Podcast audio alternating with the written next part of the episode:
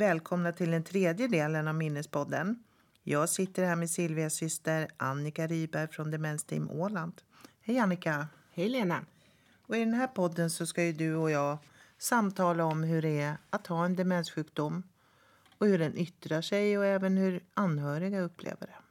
Ja, och i tredje avsnittet ska vi prata om behandling och utredning av de olika demenssjukdomarna. Och vi tar också upp bemötande och begreppet personcentrerad vård. Mm. Ja, I det förra avsnittet så pratade vi en del om diagnoser, att det kan vara svårt ibland att ställa rätt diagnos. Men varför är diagnosen så viktig? Eh, den är ju viktig framförallt för att alla olika demenssjukdomar har olika symptom och ställer olika krav både på omvårdnad och på behandling. Dessutom underlättar det både för de närstående och för vårdpersonalen om man vet vilken demenssjukdom en person har. Eh, vid den basala eller den första undersökningen då kan man också se om de här symptomen beror på en sekundär demens och i så fall är de förmodligen botbara. Mm. Hur går en sån här första utredning till? Eh, den första utredningen, den basala demensutredningen, den ska innehålla sjukdomshistoria också närstående intervjuer som ska göras utan att den drabbade eller misstänkt drabbade är närvarande. Eh, man bedömer både det fysiska och det psykiska tillståndet. Eh, funktions och aktivitetsförmågan kontrolleras också helst av en arbetsterapeut och helst i hemmet om det är möjligt att göra det. Eh, man gör olika kognitiva test. Minnestest alltså. Blodprov tar man förstås och ibland även prov på ryggmärgsvätskan. Mm. Och sen vore det ju bra om man kunde titta in i hjärnan för att se vilka skador som finns där. Eh, men det kan man faktiskt göra på sätt och vis. Eh, en basal utredning ska också innehålla datortomografi. Och då kan man se om det finns hjärntumörer eller någonting annat som kan ge upphov till de här symptomen. Eh, dessutom kan man se, genom att se om det är vissa delar av hjärnan som har tillbakabildats, så kan man se vilken typ av demens personen har. Och det är jätteviktigt för att man ska kunna ge rätt behandling och rätt stöd. Så nu vet man alltså vilken demenssjukdom det handlar om? Ja, i vissa fall gör man det. Men det kan också vara svårt att bedöma den saken och då behövs det en utvidgad undersökning. Och vem gör den? Eh, den ska göras på en minnesmottagning eller någon annan typ av specialistklinik. Mm. Och hur går en sån undersökning till? Eh, på specialistkliniken så gör man ju då olika neuropsykologiska tester. Och om man har ett, ett testformulär i tio delar som heter kognitiva screeningbatteriet. Eh, och det är testet som mäter förmågan då när det gäller bland annat minnet till exempel och snabbhet, uppmärksamhet, sådana saker. Man kan an även använda magnetkamera eller PET som är en teknik som används för att avläsa aktivitet i olika delar av hjärnan. Eh, en annan modern teknik kallas för SPECT och den använder man för att undersöka transporten av dopamin. Och, och, den undersökningen kan hjälpa till att ställa diagnosen om man misstänker att personen har Levis kroppsdemens. Mm. Men alla som har en misstänkt demenssjukdom, får de den här undersökningen? Ja, jag hoppas ju det, men, men jag antar att det beror väldigt mycket på vilka resurser den enskilda personens sjukhus har. Mm. Du sa ju att behandling och omvårdnad är beroende av vilken diagnos man fått. Har du något exempel på det? Ja, om man tar Alzheimers sjukdom då, som är den vanligaste. Eh, de patienterna de är ofta oroliga eller lite ängsliga. Eh, de behöver ett bemötande som lindrar de psykosociala symptomen Medan en, en person som har drabbats av frontotemporal demens oftast är mer utåtagerande och kan behöva lite fastare bemötande och få lite hjälp med att kunna hålla sig inom gränserna. Men det finns ju bromsmediciner. Ja, demensläkemedel kallas ju ibland för bromsmediciner. Men det är missvisande för det finns inga mediciner idag som kan påverka själva sjukdomsförloppet. Eh, däremot så finns det demensläkemedel som lindrar symptomen, men det är en helt annan sak. Mm. Men eh, vilka mediciner finns det för de som har demens? Idag finns det två olika typer av demensläkemedel. Eh, den ena kallas för acetylkolinesterashämmare. Och det gör den därför att eh, esteras är ett enzym som bryter ner acetylkolin. Och acetylkolin är ett väldigt, en väldigt viktig signalsubstans som behövs i hjärnan. De här läkemedlen hämmar esteraset och den här nedbrytningen och används oftast vid mild till måttlig demenssjukdom. Mm. Men vilka mediciner kan man använda sen när, med, eh, när eh, sjukdomen har gått längre? Eh, vid måttlig till svår demens då brukar man använda en, en annan substans som heter memantin. Eh, memantin motverkar den giftiga effekten av förhöjda glutamatnivåer. Och, och de här förhöjda nivåerna det är de som kan leda till demenssymptom. Har medicinerna några biverkningar? Ja, de kan ha det faktiskt. Och de kan i vissa fall vara rent olämpliga och öka risken för ohälsa. Så det är jätteviktigt att man gör en individuell bedömning och att man följer upp medicineringen ordentligt. Eh, patienterna riskerar bland annat att gå ner i vikt eftersom dålig aptit och illamående är en vanlig biverkan av memantin. Mm. Men används de för alla demenssjukdomar? Eh, I första hand används de till patienter som har Alzheimers sjukdom men även personer med Levis kroppsdemens för symptomlindring av de här eh, demensläkemedlen. Eh, patienter med, med, med Parkinson demens kan ha nytta av den första kategorin, alltså acetylkolinesteroshämmare. Och man tror att de kan ha glädje av memantin också. Men den effekten är inte dokumenterad rent vetenskapligt, inte ännu. Däremot så har medicinerna ingen effekt vid frontotemporal demens. Utan tvärtom, de kan försämra tankefunktionen hos de här patienterna. Mm. Men personer med Levis sjukdom, kan de få någon hjälp för de motoriska symptomen? Ja, man ger låga doser av samma läkemedel som man ger patienter som har Parkinsons sjukdom. Men det är jätteviktigt att man sätter in medicinen i rätt ordning. Eh, först sätter man in demensläkemedlen och sen först därefter så får man sätta in låga doser av L-dopa. Hurdan omvårdnad behöver en person som har Levis sjukdom? Eh, det är viktigt att man känner till de här svåra symptomen de har som störd sömn och synhallucinationer så att man kan stötta dem rent psykosocialt och på det viset minska lidandet. Eh, när det gäller sömnen så, så kan man väcka patienten och ta sig tid att sitta ner en stund och försöka lugna honom eller henne. Eh, man kan servera ett mellanmål även om det är på natten innan man försöker få personen att somna om.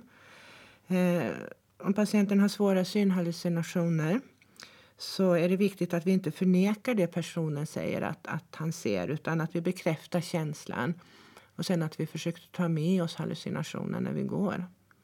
Men ta med sig hallucinationen, hur menar du då? Ja, om man till exempel om det är en person som, som säger att han ser någon som står nere på gatan och lurar och verkar hotfull och, och blir skrämd av det, då, då kan man ju helt enkelt säga att ja, men jag går ner och frågar vad de vill och sen när man kommer tillbaka så säger man att det, nu är det lugnt för nu har han gått härifrån. Och det brukar hjälpa. Mm. Eh, ibland så kan man ju få höra att det ligger någonting under sängen eller kanske ett, ett djur eller någonting. Och då säger man att ja, men jag tar, jag tar det med mig så behöver inte du ha det här inne hos dig och så kan du vara lugn. Och, mm. och ofta så får man faktiskt tack så mycket för, för en sån åtgärd av ja, patienterna. Fint. Det låter jättefint. Är det någonting annat som man bör tänka på då? Ja, det är ju det här med blodtrycket som vi pratade om i förra avsnittet och att fallrisken är så stor. Så patienter med Levis kroppsdemens behöver tillsyn när de, de ska röra på sig och gå. Eh, och det gäller ju också naturligtvis de som har Parkinson med, den, med demens för de har ofta likartade symptom som patienter med Levis mm. Men hur är det med de som har Alzheimers sjukdom? Då? Eh, de behöver ju i första hand mycket psykosocialt stöd. Och De behöver också stöd av de kognitiva funktionerna. Eh, man behöver jobba till exempel med minnesträning eller med reminiscens som förstärker minnen av det som har hänt tidigare. Och, och via reminiscensen så får man också väldigt mycket samtalsämnen så att man kan samtala och umgås med de här patienterna.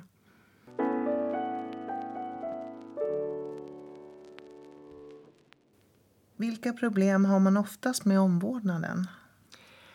Ja, en sak som är väldigt svår så det är ju det här när minnet inte fungerar som det ska. Och, och eftersom man är då är van vid att kanske duscha varje morgon så tror man ofta att man redan har gjort det fast man i verkligheten inte har gjort det.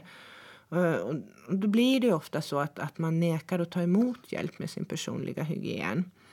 Eh, det är viktigt att man som, som vårdpersonal klarar eh, av att lösa sådana här saker på taktfullt sätt och inte använda någon som helst form av tvång naturligtvis. Det kan ju finnas en del andra orsaker också till att, att, att personen inte vill ta emot hjälp med sin personliga hygien. Mm. Vad kan det bero på då? Ja, bland annat att man fryser. Det är viktigt att, att eller det är inte lätt att klä av sig kanske om, om man tycker att det är kallt och ruggigt. Mm. Eh, man känner sig generad för att visa sig avklädd för någon som man förmodligen tror är, tycker är helt främmande. Eh, man kan vara misstänksam och tro att personalen vill lägga beslag på ens kläder. Det har drabbat mig ett antal gånger. Eh, man känner sig ifrågasatt. Man säger att du tror du inte att jag klarar av att sköta mig själv längre. Mm. Väcker väldigt mycket negativa känslor. Finns det något bra sätt att lösa det här på då? Eh, det finns ett antal olika metoder att lösa sådana här problem. Och det är det som vi Silvia-systrar skulle kunna lära ut eh, genom praktisk handledning då framför allt. Och det är jätteviktigt att man lär känna personen för att kunna skapa en, en bra relation. Annars, annars är det nog svårt att genomföra. Mm. Finns det andra delar av omvårdnaden som kan vara lite knepig? Ja, om man har otur så skulle nästan så gott som varje situation kunna bli svår. Men som tur är så är det ju inte alltid så. Ett typiskt problem med måltiden är att motivera till olika aktiviteter eller kanske bemästra det här beteendet när folk vill gå hem och står och rycker i ytterdörren och vill, vill gå ut och mm. gå hem. Mm. Kan du säga någonting om det sista då, att de vill lämna?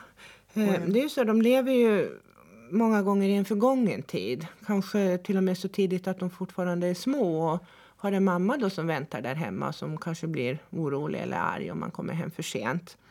Eller, eller eh, efter att det har blivit mörkt och sådär. Eller så lever man i en lite senare tid när man själv är mamma eller pappa, man har små barn. Man har en man eller någon som kommer hem och vill ha middag efter jobbet. Då är det viktigt att man får komma iväg och komma hem och göra det man ska såklart. Mm. Men hur ska man klara av det då? Ja, först och främst så får man ju inte ifrågasätta de här personernas känslor för känslorna är ju alltid sanna.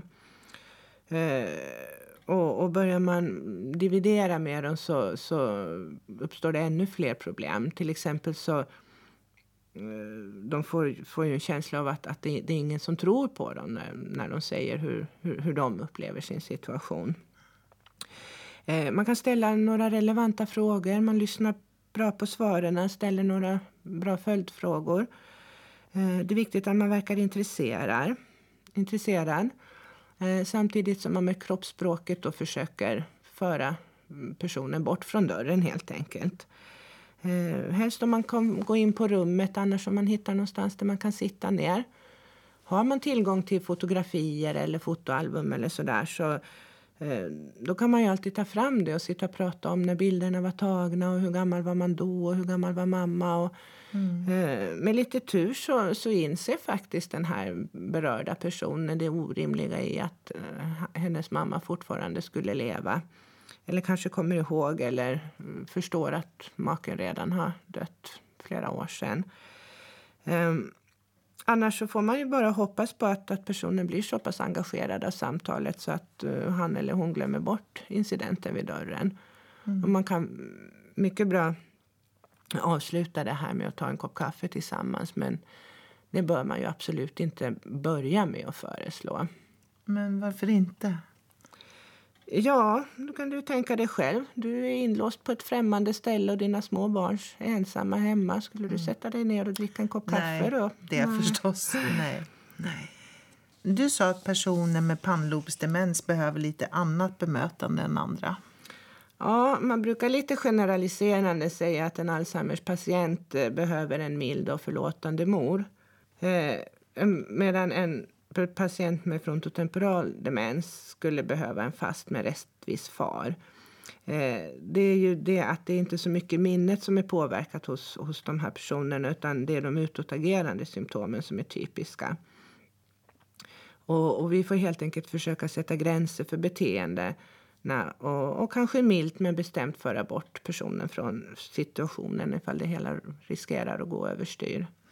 Jag tänker, jag det inte enklare att medicinera då så att man dämpar det här olämpliga beteendet? Nej, eh, man ska inte använda läkemedel i första hand. Och psykofarmaka överhuvudtaget det ska användas med väldigt stor försiktighet och följas upp jättenoga. Personer med frontotemporal demens är extra känsliga för den här typen av läkemedel. Och är man tvungen att ta till läkemedelsbehandling så den ska vara väldigt kort och den måste utvärderas regelbundet. Men kan man göra någonting för att minska risken för sådana beteenden? Ja, även personer med frontotemporal demens behöver psykosocialt stöd. Eh, man behöver ha någon som lyssnar, pratar och frågar eh, men inte ifrågasätter. Eh, man kan ta med personen i de dagliga sysslorna, hjälpa till med tvätt och disk och sådana saker. Gå ut med soporna till exempel kan man be om hjälp med. Eh, eller så går man ut på rejäla promenader varje dag eh, utåt eftermiddagen någon gång som, som eh, ger en sund trötthet. Och man kan nog lugna symptomen i ganska hög grad med sådana metoder. Men det, det är viktigt att komma ihåg att, att det här det är färskvara. Sådana här åtgärder måste upprepas ofta. Mm. Mm. Vilken symptomlindrande behandling kan man ge personer som har vaskulär demens? Nej, tyvärr då så finns det ingenting. Eh, Vanlig demensmedicin är helt verkningslös och det beror ju på att symptomen inte har någonting med plack och sådana saker att göra. Eh, det enda man kan göra är att försöka förhindra nya skador och det gör man ofta genom att ge låga doser av acetylsalicylsyra, alltså aspirin eller motsvarande. Mm. Men hur kan man stötta dem då istället? Eh, ja, eftersom man då drabbas av en nedsatt initiativförmåga och får svårt att planera och genomföra saker så då behöver man stöd både för att att komma igång med att göra saker och ta sig för. Ehm, det finns inte så mycket som man kan göra åt personlighetsförändringarna. Eh, det är viktigt att man är öppen och tillåtande och inser att personen rår inte för det här. Och de behöver också mycket stöd och tillsyn vid förflyttning eftersom de har så stora gångsvårigheter.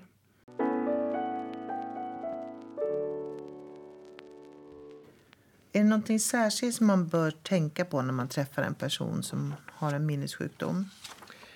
Ja, det är det verkligen. Och ibland så ser jag människor som verkar tro att de kan bete sig precis hur som helst. Det är som om de trodde att demenssjuka människor de varken ser, hör eller förstår någonting alls. Jag tycker att det är viktigt att vi uppträder och att vi pratar som om den andra förstår precis allting Precis som när man hamnar och tar hand om någon som är medvetslös. Eh, sen händer det också ganska ofta att jag träffar människor som pratar över huvudet på den demenssjuka personen eh, och pratar om honom istället för med honom. Mm. Det låter hänsynslöst. Ja, det tycker jag verkligen. Ett bra bemötande det innebär att man rent mentalt kan sätta sig in i, i den andra personens känslor och det är ju det som vi kallar för empati. Mm. Men du har ju sagt att demenssjukdomen gör så att man får svårt att prata och att förstå vad andra säger. Ja, visst, absolut har man svårt både att uttrycka sig och förstå vad andra säger. Men det är ju ingen ursäkt att man behandlar dem som barn eller som mindre vetande på något sätt. Eh, vi måste komma ihåg det att ofta så handlar det om väldigt gamla människor som har gamla människors hela kunskap och hela erfarenhet. Det är bara det att de har lite svårare att komma ihåg det än andra. Mm. Så hur bör man göra istället då?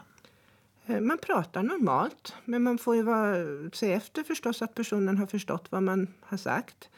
Eh, annars får man försöka säga det på ett annat sätt som kanske är lite lättare att förstå.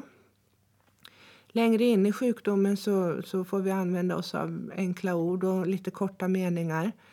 Eh, vi får undvika att säga två saker kanske i samma mening eller erbjuda allt för många val på en och samma gång. Mm. Vad kan man göra för att underlätta då för en demenssjuk att samtala? Det viktiga är att man inleder samtalet på ett sätt så att, att personen förstår att det är just henne eller honom jag vill prata med.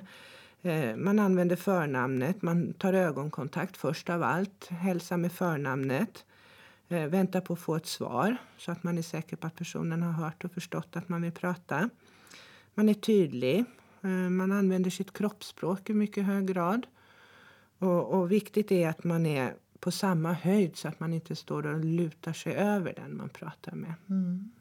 Men eh, om han eller hon börjar prata om något annat då, eller att det verkar som att han eller hon svarar på en helt annan fråga? Eh, man får helt enkelt försöka följa personen på hans tankeväg. Eh, det är ju inte det att jag får säga det som jag hade tänkt som är det viktiga. Eh, att personen känner att någon ser honom och bryr sig om honom. Det är ju det som är själva idén med samtalet. Mm. Finns det något annat att tänka på? Ja, I och med att de här personerna ofta befinner sig i en helt annan verklighet så är det inte säkert att de, de kommer ihåg att de är på ett boende där det finns en massa andra människor och personal och andra boenden och sådär. De kanske tror att de är ensamma i sin egen värld. Så att, som många gör ibland, kommer bakifrån och lägger handen på axeln eller säger någonting. Det kan faktiskt ge en riktig chock. Mm. Ja, det kan jag förstå. Eh, Sen är det viktigt att vi inte försöker bestämma över, över de demenssjuka. Eh, vi ska fråga efter personens vilja. Eh, vi ska försöka göra det som han vill. Ibland kan det ju vara omöjligt förstås. Eh, när man är demenssjuk så har man ju ofta en egen uppfattning om verkligheten, vad som är möjligt. Det är viktigt att vi är smidiga och lyhörda. Och, och eh, är det så att, att det han eller hon vill inte, inte är genomförbart så får vi försöka föreslå ett alternativ på ett sätt som är så lockande och som, som framförs på ett sånt sätt att den demenssjuka tror att det var hans egen, hans egen idé att göra mm. på ett annat sätt. Men det är inte svårt att lära sig vara på det där sättet? Empatisk och smidig och sen att vara lugn hela tiden? Ja, om man inte är den naturen så det kanske det är svårt att skapa om sig. Fast ofta så handlar det mer om, om saker som man inte tänker på men, men som känns ganska naturligt när man börjar prata om dem och fundera över saken. Mm. Men finns det något sätt att stötta närstående och vårdpersonal så att de klarar av och, och ha det här empatiska bemötandet? Ja, det, det finns det. För närstående så är det jätteviktigt att det finns både stödgrupper och utbildning så att de förstår, både förstår vad, vad en demenssjuka innebär och, och, och, kan lära sig ett bra förhållningssätt. Då. Eh, personalen har ju förhoppningsvis redan en bra utbildning men kan behöva stöd av handledning och reflektionsarbete. Vad innebär en reflektion? En reflektion det är, det är en liten stund, kanske 10-15 minuter varje dag efter arbetsdagens slut. När man sitter ner tillsammans och pratar igenom det som har hänt. Vad var det som var bra och vad var det som var mindre bra? Eh, vad kunde man ha gjort istället för att det skulle bli bättre? Och man kan ju ha såna här reflektionsstunder bara personalen tillsammans. Men allra bäst är det om den är leds av någon som har gått en reflektionshandledarutbildning. Mm. Finns det något mer att säga om det här?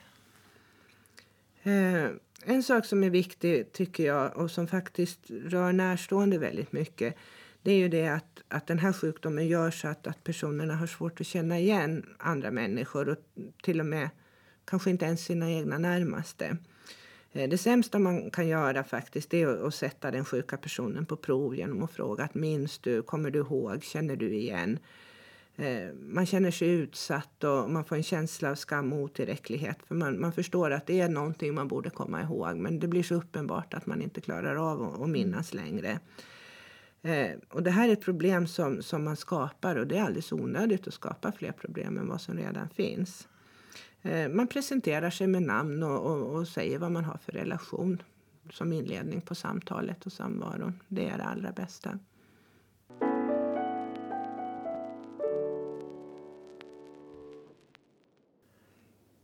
Kan du berätta lite om det här med personcentrerad vård? Eh, personcentrerad vård innebär att man sätter individen i centrum och att vården anpassar sig efter individen istället för att individen ska anpassa sig efter vården. Men är det inte väldigt svårt om personen har en svår demens och inte kan kommunicera speciellt bra? Eh, nej, ja, jo, det är klart att det kan vara jättesvårt. Eh, det är viktigt att vi vet hur, hur personen har levt sitt liv tidigare, vad han har för vanor och sådär. Och det är inte alla gånger vi kan fråga personen själv. Utan vi får ju hoppas på att, att få en levnadsberättelse som de närstående har fyllt i. Ibland kan man ju fylla i den tillsammans med den det berör men annars får ju närstående försöka fylla i den själv så gott de kan. Eh, vårdpersonalen får ha den som, som ett tips på hur vården ska utformas då, så att den passar individen. Kan du ge exempel på hur man gör då, rent praktiskt? Med personcentrerad vård? Ja. Ja, det börjar ju redan på morgonen. Man brukar ju säga så här att om morgonen blir bra så blir dagen bra. Eh, det gäller ju till exempel att jag ska gå in till, till Pelle och hjälpa honom upp och hjälpa honom med hygien, påklädning och så ska han ha frukost och sådär. Uh, istället för att då bara gå in och dra undan gardinerna och hojta att nu, nu är det dags att stiga upp så, så knackar jag på lite försynt och tassar in och frågar vänligt om, om Pelle vill ha lite hjälp. Eh, sen beror det ju på hans reaktion förstås, hur, hur det hela utvecklas. Mm. Han kanske gärna vill ligga och dra sig en liten stund? Ja, visst absolut. Och då borde han ju kunna få det. Men så småningom så behöver han ju få frukost i alla fall. Och, och där är det också viktigt att, att, att individanpassa. Jag menar, vissa människor vill äta frukost först innan de stiger upp och börjar göra sig i ordning och sådär. Eh, medan andra vill klä sig ordentligt och gå ut i matsalen och sitta där och äta sin frukost. Och såna här olikheter i vanorna, det måste vi kunna respektera. Mm. Men om det är en person som glömmer och inte vill ha hjälp fast det behövs, då måste man väl göra något? Ja, det är klart. Eh, eh, framförallt så behöver man ju ta hänsyn till individens önskemål och vanor, när man vill duscha och sådär och vilken ordning man vill göra olika saker. Eh, och det är klart att går det för långt och blir ohygieniskt på något vis, då måste man ju ingripa. Om man, om man kan göra det på ett bra sätt, annars så får man ju be om hjälp av någon som är lite mer erfaren. Eh, huvudsaken är att man kommer ihåg att sådana här saker får aldrig ske med någon typ av tvång. Och sen är det väl bra om, de, om den demenssjuka får vara med och bestämma vad han ska ha för kläder eller äta till frukost och sådär. Ja, visst, absolut. Det är ju någonting som man ska göra varje dag. Eh, vissa kan ju behöva lite stöd i valet. Eh, det är inte säkert att man klarar av att välja mellan två olika alternativ eller, eller komma ihåg vad orden för de olika klädesplaggen eh, ens betyder. Mm, men hur gör man då? Ja, enklast är det ju att man håller fram en i taget. Och, eh, vill du ha den här eller den här om det gäller byxor då, eller kjol eller ja, vad man vill ha att dricka istället för att säga vill du ha te eller kaffe, mjölk eller juice och då, mm. då blir det ju bara ett enda mm. surr i huvudet. Då håller man fram juiceförpackningen eller vill du ha den vita eller den gula eller ja, förenklar valet för den sjuka helt enkelt. Mm. Eh, när det gäller frukosten så är det ju viktigt naturligtvis att den är bra ur näringssynpunkt och sådär. Eh, sådana saker som vi kommer att prata om i nästa avsnitt. Men här kan det faktiskt också uppstå ett etiskt dilemma. Om man har en person som just har flyttat in och som har då druckit te och ätit en rostad smörgås till frukost i hela sitt liv. Kan vi verkligen anse att vi har rätt att ändra på det då bara för att han eller hon har flyttat in på vårt boende? Eh, och det är viktigt att vi lär oss att lösa sådana här typer av etiska problem på ett sätt som inte skadar individen. Mm. Och hur skulle man kunna göra det? Ja, det finns väl ett antal olika sätt, men man kan ju börja, till att börja med så får man ju lov att servera det man vet att personen är van vid och vill ha. Eh, för att man inte skapar, så att man inte skapar konflikter redan från början, helt i onödan. Sen kan man ju påpeka då att just idag så har jag kokat lite ägg här. Vore inte det gott? Du kan väl smaka på någon skiva eller två i alla fall. Eller hitta på någonting annat liknande i samma stil. Och också här är det viktigt att vi inte utsätter individen för tvång eller någon typ av negativa upplevelser. Mm. Det där låter jättefint. Mm.